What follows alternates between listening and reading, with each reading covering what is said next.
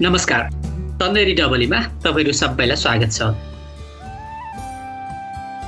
आजको तन्देरी डबलीमा म तपाईँहरूसँग छु नवीन र मसँग हुनुहुन्छ गिरधारी सुवेदी। गिरधारी सुवेदीजी चाहिँ पोखरामा बस्नुहुन्छ। उहाँ स्वयपित्री समाज कास्कीको निर्देशकको रूपमा कार्यरत हुनुहुन्छ। त्यसै गरी उहाँ चाहिँ पृथ्वीनारायण क्याम्पसमा पनि आबद्ध हुनुहुन्छ।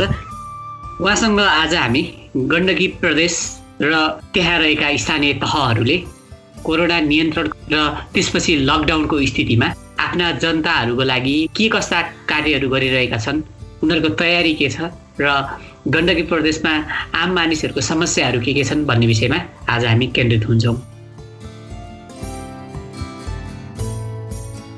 सबैभन्दा पहिला चाहिँ हामी गण्डकी प्रदेशमा आम मानिसहरूको के कस्ता समस्याहरू छन् भन्ने बारेमा कुरा गरौँ। मैले चाहिँ यो लकडाउन पछिको अवधिमा खास गरी गण्डकी प्रदेशमा आम मानिसहरूले भएका समस्याहरूलाई पाँच छवटा थिमहरूमा मैले चाहिँ यसलाई क्याटेगोराइज गरेको छु। यो यो मेरो मेरो आफ्नो पर्सेप्सन मेरो स्टडीको आधारमा यसलाई मैले तय गरेँ। पहिलो चाहिँ यो निर्माण क्षेत्रमा कार्यरत मजदुरहरू यातायात क्षेत्रमा कार्यरत मजदुरहरू विपन्नहरूको जीविका आर्जन कसरी गर्ने भन्ने महत्त्वपूर्ण समस्या नै उहाँहरूलाई देखा परेको छ। यसमा चाहिँ प्रदेश तथा स्थानीय सरकारले राहत वितरण गर्ने काम गरेका छन्। अब यो राहत वितरण गर्ने कार्य चाहिँ लक्षित समूहसम्म अझ बढी र व्यापक ढङ्गले कसरी पुर्याउनु सकिन्छ त्यो पाटो चाहिँ जरुरी रूपले हेर्नुपर्ने अवस्था छ। अब राहत वितरण चाहिँ भएको छ अहिले विभिन्न पालिकाहरूले गरेका छन् महानगरपालिकाले गरेको छ गाउँपालिकाहरूले गरेका छन् तर त्यो लक्षित समूहसम्म पुगे पुगेन एउटा त्यो हेर्नुपर्ने अवस्था छ। र समग्रमा हेर्ने भने व्यक्तिको दैनन्दिनी व्यक्तिको जीविकोपार्जनसँग सम्बन्धित समस्या पहिलो प्रमुख समस्या हो। दोस्रो चाहिँ विकासका भौतिक संरचनाहरूको निर्माणको क्षेत्रमा अहिले काम हुन सकेको छैन। नेपाल जस्तो विकासमूलक मुलुकले विकासको गतिलाई फड्को मार्नको लागि भौतिक विकास महत्त्वपूर्ण हो जस्तै यो क्षेत्र। गण्डकी प्रदेश जलविद्युतको क्षेत्रमा धनी क्षेत्र मानिन्छ। लमजुङमा छवटा हाइड्रो पावरहरू छन् बागलुङ क्षेत्रमा छन् पर्वतमा छन् म्याग्दी जिल्लामा चाहिँ निर्माणाधीन हाइड्रो पावरहरूमा चाहिँ काम हुन सकेको छैन। त्यो काम न हुन नसक्नुको अर्थ के हो भने विकाससँग अहिलेको यो कोरोना सम्बन्धित छ र विकासलाई त्यसले ठप्प पराय बनाएको छ। दोस्रो समस्या हो। तेस्रो समस्या आपूर्ति र वितरण प्रणाली। हामीले चाहिँ प्रभावकारी ढङ्गले गर्नुपर्ने अवस्था हो तर चाहिँ त्यसलाई ठिकसँग गर्न सकेनौँ। लकडाउनको सुरुवातको पहिलो हप्ता ग्यासको एकदमै समस्या थियो खाद्यान्नहरूको व्यक्तिहरूले जो गर्ने प्रचलन थियो जब दोस्रो तेस्रो हप्तातिर हामी प्रवेश गर्न थालिसक्यौँ त्यसपछि अहिलेको समस्या भनेको तरकारी र फलफुलहरूको समस्या बढी छ। ग्यासको समस्या अहिले चाहिँ क्रमशः कम हुँदै गएको छ। त्यो आपूर्ति र वितरण प्रणाली चाहिँ लाई हामीले जोड्न सक्नुपर्छ। चौथो र महत्त्वपूर्ण समस्या भनेको स्वास्थ्य क्षेत्रसँग सम्बन्धित समस्या जहाँ स्वास्थ्य क्षेत्रमा काम गर्ने स्वास्थ्य कर्मीहरू छन् उहाँहरूलाई मास्क सेनिटाइजर पन्जा किड्स पिपी लगायतका उपकरणहरू हामीलाई पर्याप्त छैनन् पुर्याउन सकेको छैन भनेर निजी स्वास्थ्य संस्थाहरू तथा सरकारी स्वामित्वका स्वास्थ्य संस्थाहरूका डक्टरहरू स्वास्थ्य कर्मीहरूले त्यो बताउँदै आउनुभएको थियो। हामीले विभिन्न मिडियाहरूमा त्यो कुराहरू सुन्यौँ पढ्यौँ उहाँहरूका आवाजहरू सुन्यौँ। र अहिले पनि त्यो समस्या चाहिँ बढ्दो छ र यसमा चाहिँ निजी स्वास्थ्य संस्थाहरू नर्सिङ होमहरू चाहिँ अहिलेको यो कोरोनासँग जुझ्ने प्रक्रियामा नागरिकहरूलाई सेवा दिने तहमा चाहिँ असहयोगी छ। नागरिकहरूले निजी स्वास्थ्य संस्थाहरूमा उपचार गर्न पाएका छैनन् बन्द छन् ज्वरो आएका बिरामी हुन् भन्ने बित्तिकै गेटहरू बन्द छ। त्यसैले यो पाटो चाहिँ समन्वयकारी हुन सकेको छैन। र पाँचौँ र अन्तिम महत्त्वपूर्ण समस्या भनेको अहिले गाउँ र सहरको व्यापारिक सम्बन्ध टुटेको छ। कृषिजन्य उत्पादनहरू तरकारीहरू दुधहरू कुखुराहरू चाहिँ अहिले ग्रामीण तहमै छन्। सहरमा त्यो ल्याउन आउन सकिरहेको अवस्था छैन। उद्योगहरूको उत्पादन ठप्प छ। त्यसैले यी समस्याहरू चाहिँ अहिले यो गण्डकी प्रदेशले भएका मुख्य समस्याहरू हुन् भन्ने मलाई चाहिँ त्यो लाग्छ। अहिले त हाम्रो देशमा तिन तहको सरकार छ होइन सर? जस्तै केन्द्र सरकार त्यसपछि प्रदेश सरकार त्यसपछि स्थानीय सरकार त्यसपछि सबैभन्दा नजिकको छुने सरकार भनेको स्थानीय सरकारहरू छन्। गण्डकी प्रदेशमा पनि यो तिनै यो तिनै तहको सरकार अन्तर्गत गण्डकी प्रदेश एउटा भयो। उसले प्रदेशको मातहतमा पनि धेरै छुने सरकारहरू स्थानीय सरकारहरू हामीसँग छन्। अब यो विपदको घडीमा अहिले चाहिँ सरले समाचारहरू हेर्दाखेरि आफूले अब त्यो भेगको तपाईँ अलिकति अवेर नागरिक भएको हिसाबले सरले आफूले चासो राखेर बुझ्नु भएको अनुसारमा देख्दाखेरि चाहिँ प्रदेश सरकारहरूको तयारी अथवा प्रदेश सरकार अन्तर्गत रहेका हाम्रा स्थानीय सरकारहरूको के कस्ता पहलहरू तयारीहरू गरिरहेको देख्नुहुन्छ? यसमा चाहिँ प्रदेश सरकारले म प्रदेशबाटै सुरु गर्छु। प्रदेश सरकारले चाहिँ मुख्य रूपले यो कोरोनाको करबाट नागरिकहरूलाई कसरी उन्मुक्ति दिलाउने भन्ने पाटोमा चाहिँ बढी तयारी गरेको देखिएको छ। यसमा चाहिँ यो यस प्रदेशमा भारतबाट आएका चार हजार एक सय छयालिस जम्मा सङ्ख्या चाहिँ तेत्तिसजना हो चार हजार एक सय छयालिस। त्यो व्यक्तिहरूको परीक्षणको सुरुवात गरेको छ। परीक्षणका लागि चाहिँ दुई टोली बठा बनाएको छ यो गण्डकी प्रदेश सरकारले। पहिलो टोली चाहिँ पर्वत बागलुङ म्याग्दी र स्याङ्जा। त्यो टोलीले चाहिँ यति चारवटा जिल्ला हेर्छ। दोस्रो टोलीले चाहिँ नलपुर तनहुँ गोर्खा लमजुङ। त्यसलाई हेरेको छ। काशीको हकमा पश्चिमाञ्चल स्वास्थ्य विज्ञान प्रतिष्ठान नजिक भएको कारणले गर्दा नि त्यो आवश्यक त्यति छैन। त्यसैले यो दुईवटा टोली बनाएर चाहिँ नागरिकहरूको परीक्षणको काम सुरु गरेको छ। यो चार हजार एक सय छयालिसजनालाई चाहिँ परीक्षण गराउने कामको सुरुवात चाहिँ गण्डकी प्रदेश सरकारले गरेको छ। दोस्रो चाहिँ यसले यो लकडाउनको अवधिमा बजार अनुगमनलाई प्रभावकारी ढङ्गले अनुगमन गर्ने कार्य गरेको छ। कास्की र तनहु जिल्लाका केही बजारहरूलाई चाहिँ यसले अनुगमन गरेको छ। बजारमा यसरी अनुगमन तिनवटा कुराहरू जोड दिएको छ।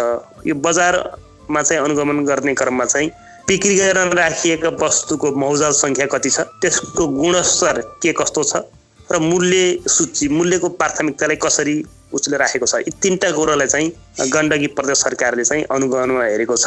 र सँगसँगै गाईबस्तुका लागि यो चोकर दानाको अवस्था उपलब्धता मौजात के कस्तो छ कृषि फार्महरू पशुपालन फार्महरूमा त्यसको सहज पहुँच हुन सकेको छ कि छैन? त्यो पाटोलाई पनि यसले हेरेको छ।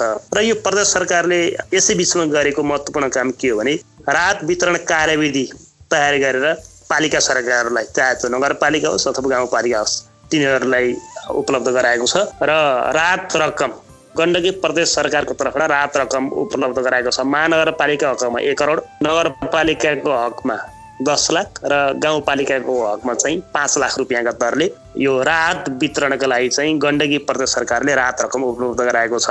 र यो सँगसँगै यसको केही यो परीक्षणको पाटोमा चाहिँ यो गण्डकी स्वास्थ्य विज्ञान प्रतिष्ठानसँग चाहिँ गण्डकी प्रदेश सरकारले यो नागरिकहरूको स्वास्थ्यसँग सम्बन्धित समस्याहरूलाई लिएर त्यसको परीक्षणको पाटोहरूलाई स्वास्थ्य उपचारलाई जोड दिएको छ। र अहिलेसम्म चाहिँ यो कोरोना रोकथाम अथवा त्योसँग सम्बन्धित उपचार गराउने प्रमुख आधार भनेको गण्डकी स्वास्थ्य विज्ञान प्रतिष्ठानका अतिरिक्त लेखनाथ सामुदायिक रोटरी अस्पताललाई चाहिँ गण्डकी प्रदेश सरकारले छनौट गरेको छ।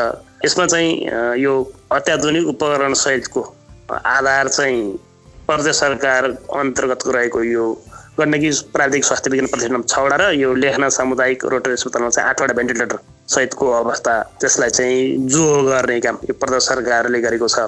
अब पालिका सरकारहरूकोमा अहिले भएको यो राम्रो पाटो भनेको प्रदेश गाउँपालिका नगरपालिकामा चाहिँ क्वारेन्टाइनको निर्माण भएको छ।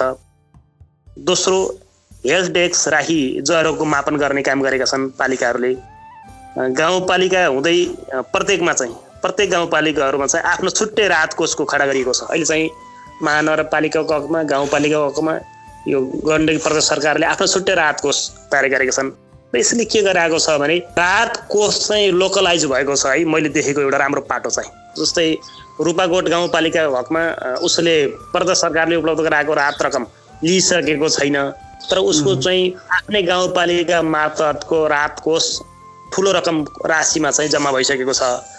स्याङ्जाको फेदी खोला गाउँपालिका हकमा उसले प्राइम ब्याङ्कमा खाता खोलेर नागरिकहरूलाई रात कोष सङ्कलनको निम्ति आह्वान गरेको छ र खाता नम्बर उपलब्ध गराएको छ। त्यसैले प्रत्येक गाउँपालिका र नगरपालिकाहरूले छुट्टा छुट्टै रात कोष खडा गरेका छन् र त्यसमा चाहिँ नागरिकहरूलाई सहयोग गर्न अपिल गरेका छन्। जस्तै मान्छे जुन ठाउँमा बसे पनि उसले आफ्नो गाउँपालिका हकमा आफ्नो नगरपालिका हकमा रात रकममा रात रकम जम्मा गर्ने रात कोष जम्मा गर्ने त्यो काम गरेको छ। त्यसैले प्रत्येक गाउँपालिका र नगरपालिकाहरूले छुट्टा छुट्टै रात कोष खडा गरेका छन्। र त्यसमा चाहिँ नागरिकहरूलाई सहयोग गर्न अपिल गरेका छन्। नगरपालिकाको क्षेत्रमा चाहिँ गैर सरकारी संस्थाहरू परिचालन भएको छ।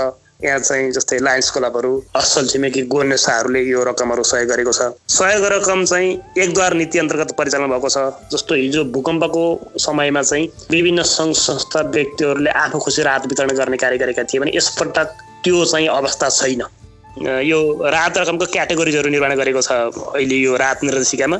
एउटा फुल फुल प्याकेज र हाफ प्याकेज भन्ने गरिन्छ। फुल प्याकेजमा चाहिँ जस्तै पच्चिस केजी चामल एक केजी नुन एक केजी तेल सरी एक लिटर तेल एक केजी चना एक केजी रातो दाल एक केजी केराउ र एक केजी कालो दाल फुल प्याकेजमा छ। म यो महानगरपालिका हकमा मैले कुरा गर्दैछु पोखरा महानगरपालिका हकमा।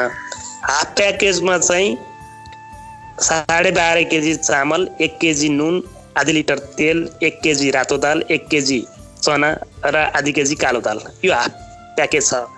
अब रात रकम वितरण गर्ने सङ्घ संस्थाहरूले पनि कतिपयले यही चिज वस्तु तयार गरेर त्यो नै एकैचोटि ह्यान्डओभर गरेको। लक्ष्य समूहलाई नै पुर्याउने गरी ह्यान्डओभर गरेको त्यो पाइएको छ।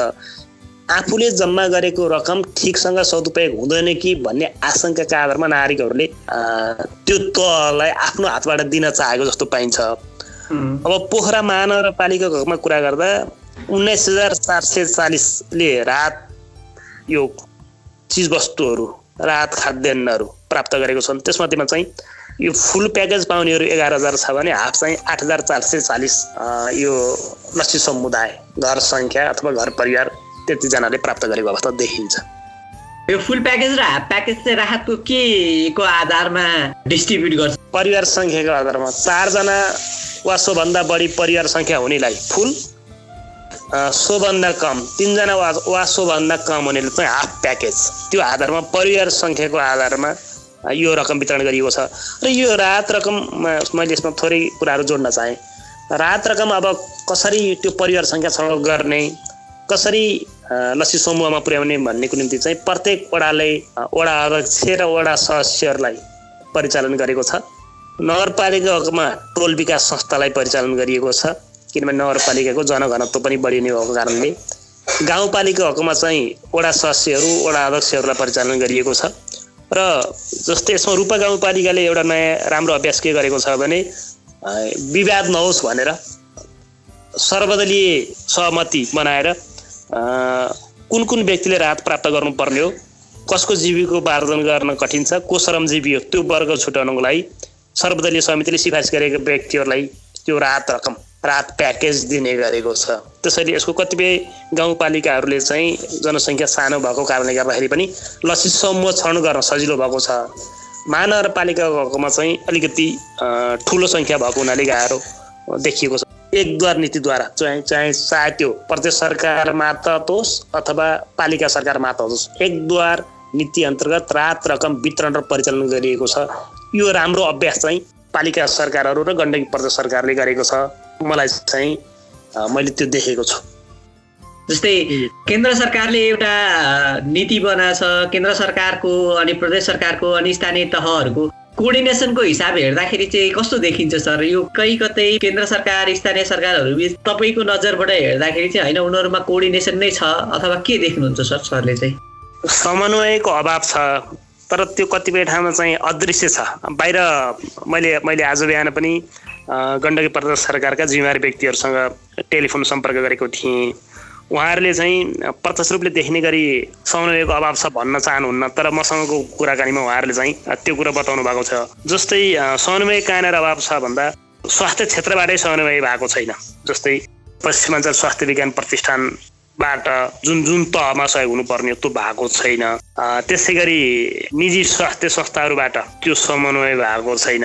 दोस्रो चाहिँ कतिपय गाउँपालिकाहरूले के भन्ने गरेको पाइयो भने यो रात कार्यविधि वितरण गर्ने जुन कार्यविधि तयार गरेको छ गण्डकी प्रदेश सरकारले त्यो चाहिँ अलिकति बढी झन्झटिलो हामीले त्यो रकम लिने प्रक्रियामा चाहिँ कठिनाई त्यो भयो। त्यो तयार गर्ने क्रममा हामीसँग समन्वय गरिएन। कहाँनिर सहज होला? भन्ने पाटोमा हेरिन सबैले एउटै बास्केटमा राखियो।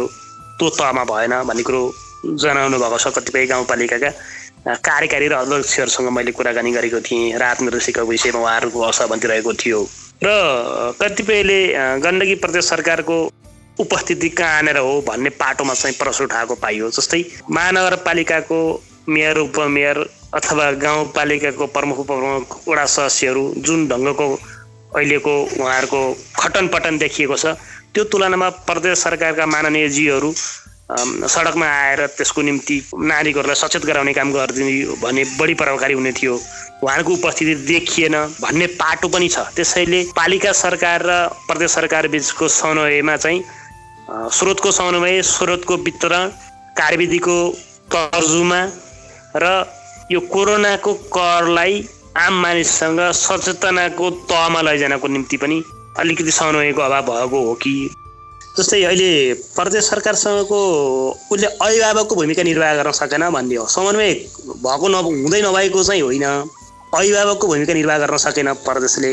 त्यो तहको आम नागरिकहरू बुझाइ त्यो पाटो हो।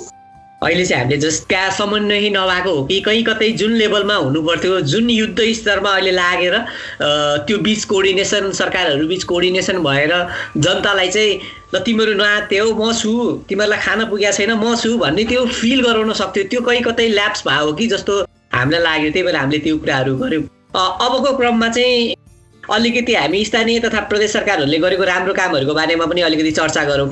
जस्तै हामीले यो यो सरकारले योबाट सचेत हुन कोरोनाको करबाट सचेत हुन व्यक्तिगत सरसफाइ र हात धुनुपर्छ भनेर भनिराखेको अवस्थामा यो रात प्याकेजमा चाहिँ साबन छुटेको मैले मैले पाएँ। अनि जस्तै यो फेरिखोला गाउँपालिकाले टुथपेस्ट साबुनहरू कपडा धुने साबुन नुहाउने साबुन यो यो त्यो तहमा आफ्नो वितरणको प्याकेजमा गरेको रहेछ। मलाई यो राम्रो पाटो चाहिँ त्यो लाग्यो।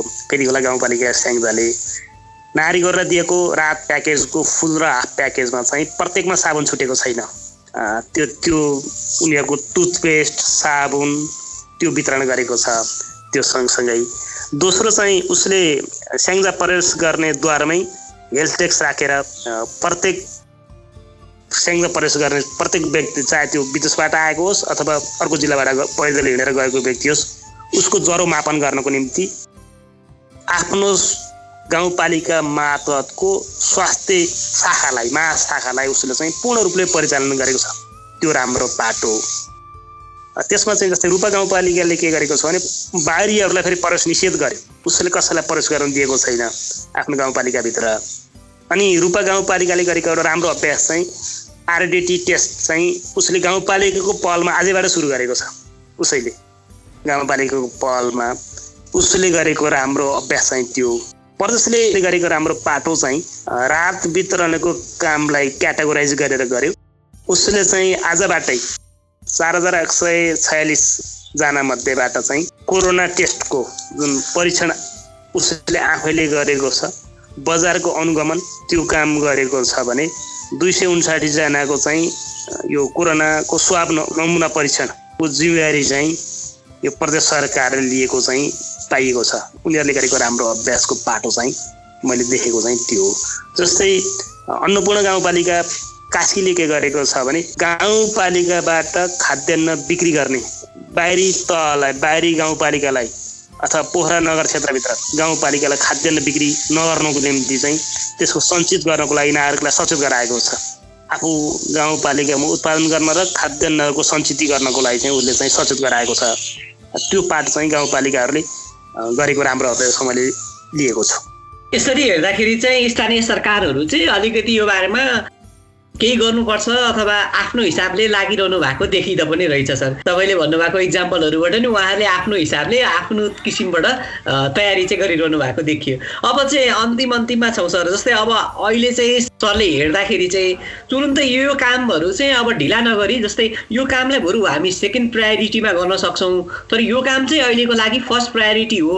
यसमा चाहिँ पहिला सुरुमा एक्सन लिइहाल्नुपर्छ भन्ने जस्तो लागेको। त्यस्तो केही कुराहरू छ सर जुन चाहिँ अब तुरुन्तै गरिहाल्नु हाल्नुपर्ने जस्तो कामहरू लागेको सरलाई के छ? त्यसमा अलिकति कुरा गरौँ न सर। त्यसमा चाहिँ मैले यो पाँचवटा कामहरू तत्कालै गर्नुपर्छ त्यो मध्येमा दुईवटा कामहरू पाँचवटा मध्ये पनि दुईवटा कामहरू एकदमै पहिलो पहिलो तहमा राखेर गर्नुपर्ने। जस्तै किसानको उत्पादन पालिका सरकारहरूले जिम्मा लिने र गाउँ र सहरहरूलाई जोड्ने। जस्तै कुखुरा अन्डा दुध तरकारीहरू गाउँमा खेर नजाओस् सहरको नागरिकहरूले उपभोग गर्न पाओस्। त्यसबाट गाउँ र सहरलाई जोड्ने। त्यो त्यो कामको जिम्मेवारी लिन आवश्यक छ। किनभने अहिले किसानहरूले सडकमा दुध पोख्ने तरकारीहरू कुहिएको छ।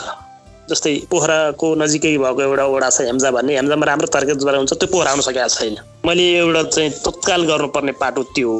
दोस्रो चाहिँ यो स्वास्थ्य क्षेत्रको नियमित सञ्चालन चाहे त्यो निजी क्षेत्र निजी क्षेत्रले सहयोग गरेको छैन।